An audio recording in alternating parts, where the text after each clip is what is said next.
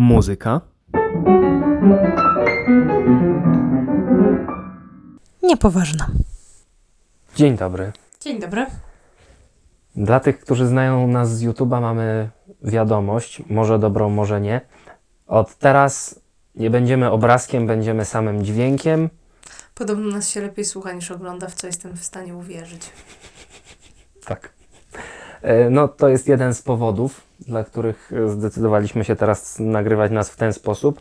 Mm, Poza tym, to głównie nam się nie chciało, trochę dlatego, że nie mieliśmy czasu, ale głównie dlatego, że nam się nie chciało. Dobra, warto teraz wrócić do tego, o czym mamy mówić. Pytanie w tytule jest postawione dość śmiało, czyli chcemy odpowiedzieć na pytanie, czym się różni utwór klasyczny od rozrywkowego. No i na samym wstępie zaznaczamy, że nie jesteśmy w stanie na to odpowiedzieć w 5 minut, mm, które ma trwać w założeniu ten odcinek. Jak zwykle będzie więcej, więc potraktujcie to raczej jako pewne wprowadzenie do opowiedzenia tego, jak wyglądają formy i gatunki No muzyki tak. klasycznej. Więc tutaj już nas e, trochę wprowadziłaś w temat i powiedziałaś o formach i gatunkach. No to jest, to są takie dwa podstawowe określenia, którymi się będziemy posługiwać. Tylko musimy y, zaznaczyć, że one się pojawiają w trochę innym znaczeniu niż to potoczne. Bo mówiąc o gatunkach muzycznych w muzyce rozrywkowej, e, mamy na myśli to, że ktoś, nie wiem, słucha czy, czy uskutecznia e, rap, Czarne rapsy. Cza, czarne rapsy, y, jazz, funk, pop, inne tego typu rzeczy.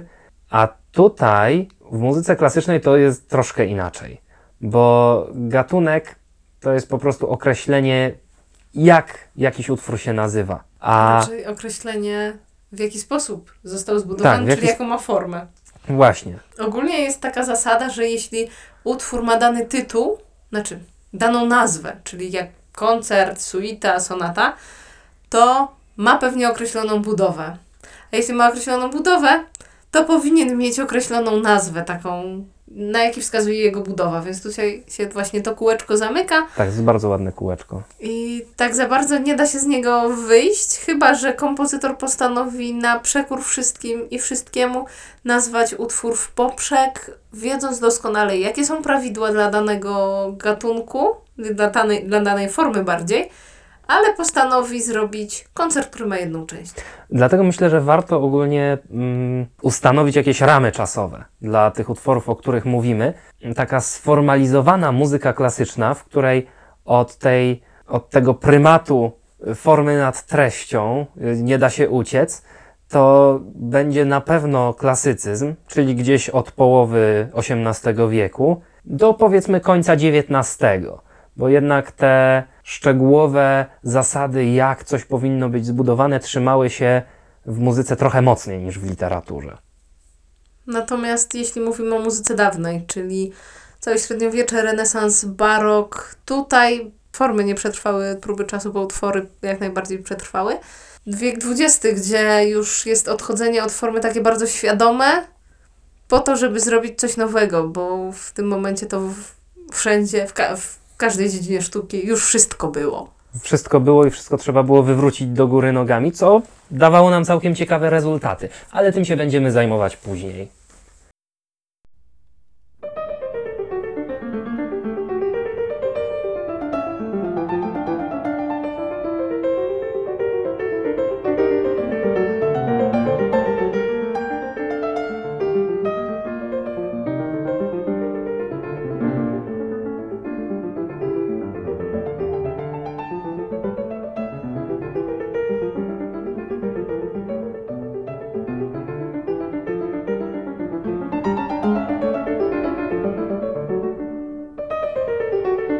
Drobna techniczna uwaga. Nazwy tych utworów typu koncert Amol, symfonia Demol, cokolwiek innego, to nie są tytuły. Więc jak ktoś postawi cudzysłów, wstawi tę nazwę w cudzysłów, to zabijemy. Y, Chyba, że będzie mowa o, o jakichś podtytułach, takich jak na przykład Fantastyczna, bo była symfonia fantastyczna. Y, Apasjonata, jak jedna z sonat Beethovena, księżycowa patetyczna. Wtedy wstawiamy, bo to nie jest nazwa techniczna, tylko rzeczywisty podtytuł. No ewentualnie, jeżeli utwór ma tytuł tak jak jakiś wiersz. To Jak jakieś arie na Tak, przykład. arie albo preludia Debussy'ego, gdzie one tam mają jakieś zachodni wiatr spienionego Nifale. Dobra, wracamy tema- do tematu po tych dygresjach. No to ważna kwestia, skąd mamy wiedzieć, że dany utwór jest symfonią, a nie koncertem albo nokturnem. No bo to na pierwszy rzut ucha, jak się nie zna tych reguł, to może być bardzo mylące. No i właśnie, tu są sztywne reguły, które mówią, że dany utwór wygląda tak. Czyli na przykład sonata ma mieć trzy lub cztery części. I nie ma od tego odstępstw. Raczej. Raczej. Nie mówimy tu o muzyce dawnej, która się jeszcze w baroku plącze, tylko raczej o klasycyzmie i romantyzmie. Później XX wiek wchodzi i robi jeszcze większy kipisz niż był na początku, więc. Ale to już o tym wspominaliśmy. Dobra, w... dość tych dygresji wracamy do tematu. Skąd w takim razie wiedzieć, że dany utwór jest koncertem, a nie symfonią? No, muzyka klasyczna jest mocno sformalizowana, więc mamy dla Was kilka wskazówek, jak to odróżniać. Pierwszą taką jest to, co widzimy. Czyli, Chodzi o koncerty. tak, głównie. jeżeli zdarzy nam się jakiś koncert, a wiemy, że w obecnych warunkach raczej nam się nie zdarzy, No chyba, że online. no chyba, że online, to dużo nam powie ustawienie ludzi na scenie. I jeżeli na przykład zobaczymy, że jest sama orkiestra, która gra kilkuczęściowy utwór, no to możemy z dosyć dużą dozą prawdopodobieństwa stwierdzić, że chodzi o symfonię. Jeżeli widzimy, że któryś e, z instrumentów, któryś z solistów właściwie, e, jest obok dyrygenta, czy przed dyrygentem, jeśli to jest fortepian, a dyrygent ma swoją orkiestrę, wiadomo, bo po co by był inaczej, to wtedy najpewniej to będzie koncert. Wiadomo, że to nie jest tak, że, że to jest wszystko w 100% sprecyzowane i zawsze będzie wiadomo, y, z czym mamy do czynienia, ale jeżeli się będziemy y, tym kierować, to intuicja raczej nas nie zawiedzie.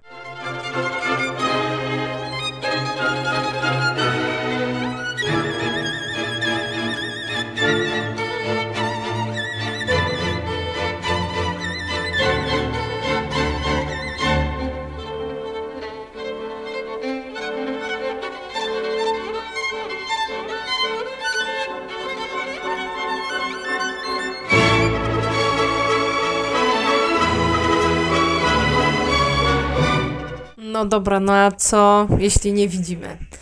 Jest jeszcze mm, kilka dodatkowych cech, na które należy zwrócić uwagę i możemy to zrobić zupełnie bezocznie, czyli na same uszy. Więc pierwsza sprawa to jest taka, słuchamy ile jest części.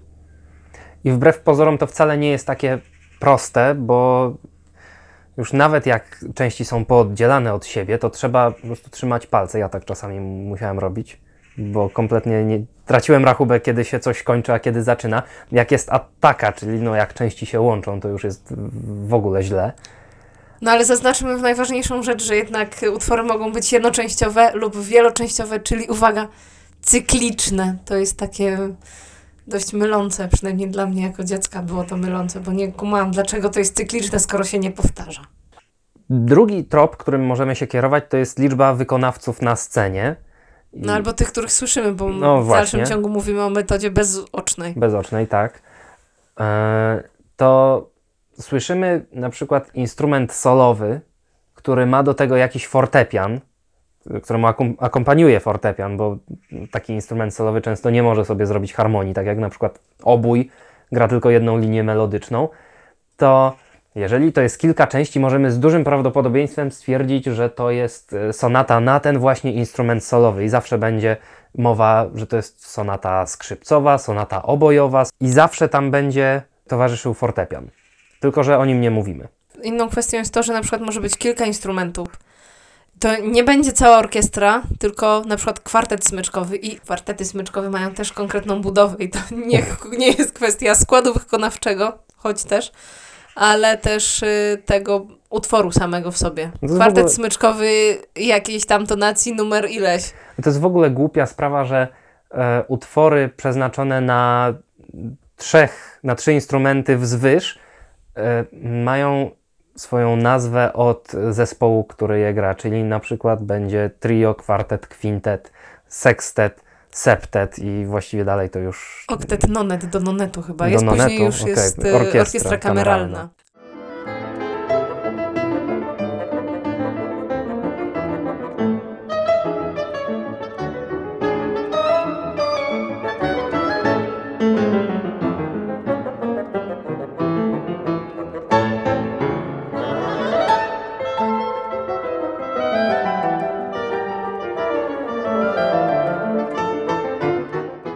Musimy jeszcze na sam początek wyjaśnić dwa pojęcia, którymi dość często będziemy się posługiwać w tych odcinkach o formach, a bez których się no niestety nie da ruszyć. To jest budowa ewolucyjna i budowa okresowa.